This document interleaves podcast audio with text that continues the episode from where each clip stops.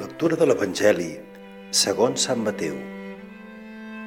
En aquell temps, mentre Jesús pujava a Jerusalem, va prendre a part els dotze deixebles i pel camí els digué Ara pugem a Jerusalem i el fill de l'home serà entregat als grans sacerdots i als mestres de la llei. El condemnaran a mort i el posaran en mans dels pagans perquè l'escarneixin, l'assotin i el crucifiquin, però el tercer dia ressuscitarà. Llavors la mare dels fills de Zebedeu va anar amb els seus fills a trobar Jesús i es prosternà per fer-li una petició. Jesús li preguntà, què demanes? Ella li respongué, mana que aquests dos fills meus seguin en el teu regne, l'un a la teva dreta i l'altre a la teva esquerra. Jesús contestà, no sabeu què demaneu. Podeu veure la copa que jo he de veure.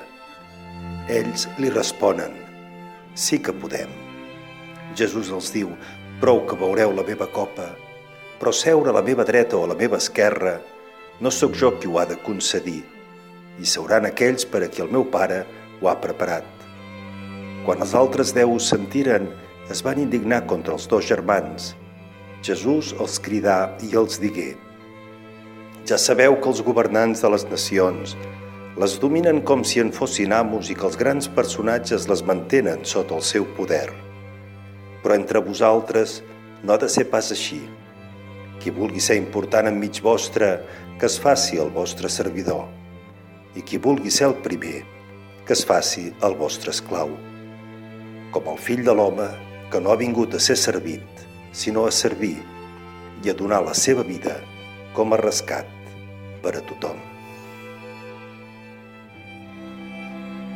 La lògica del món i la lògica de Déu, la lògica del domini i la lògica del servei, la lògica del poder i la lògica de la disponibilitat.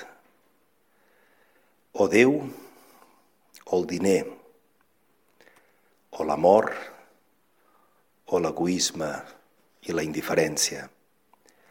Aquesta és la gran opció que cada ésser humà ha de fer. I aquesta és la proposta que Jesús, a través nostra, continua fent avui. I aquesta proposta, per ser creïble i per ser entesa, ha de ser viscuda. Només si som servidors, només si realment servim amb joia i servim realment de bon grat, aleshores, quan testimoniem el Crist i testimoniem el seu evangeli, podrem realment ser creïbles. Que puguem, doncs, avui viure en el servei. Que en el servei trobem la nostra grandesa, trobem la nostra pau, trobem la nostra plenitud, la nostra realització, la nostra felicitat perquè és només donant, servint, estimant, acompanyant, que nosaltres rebrem amb abundància aquell amor de Déu i de molts que ens omplirà el cor.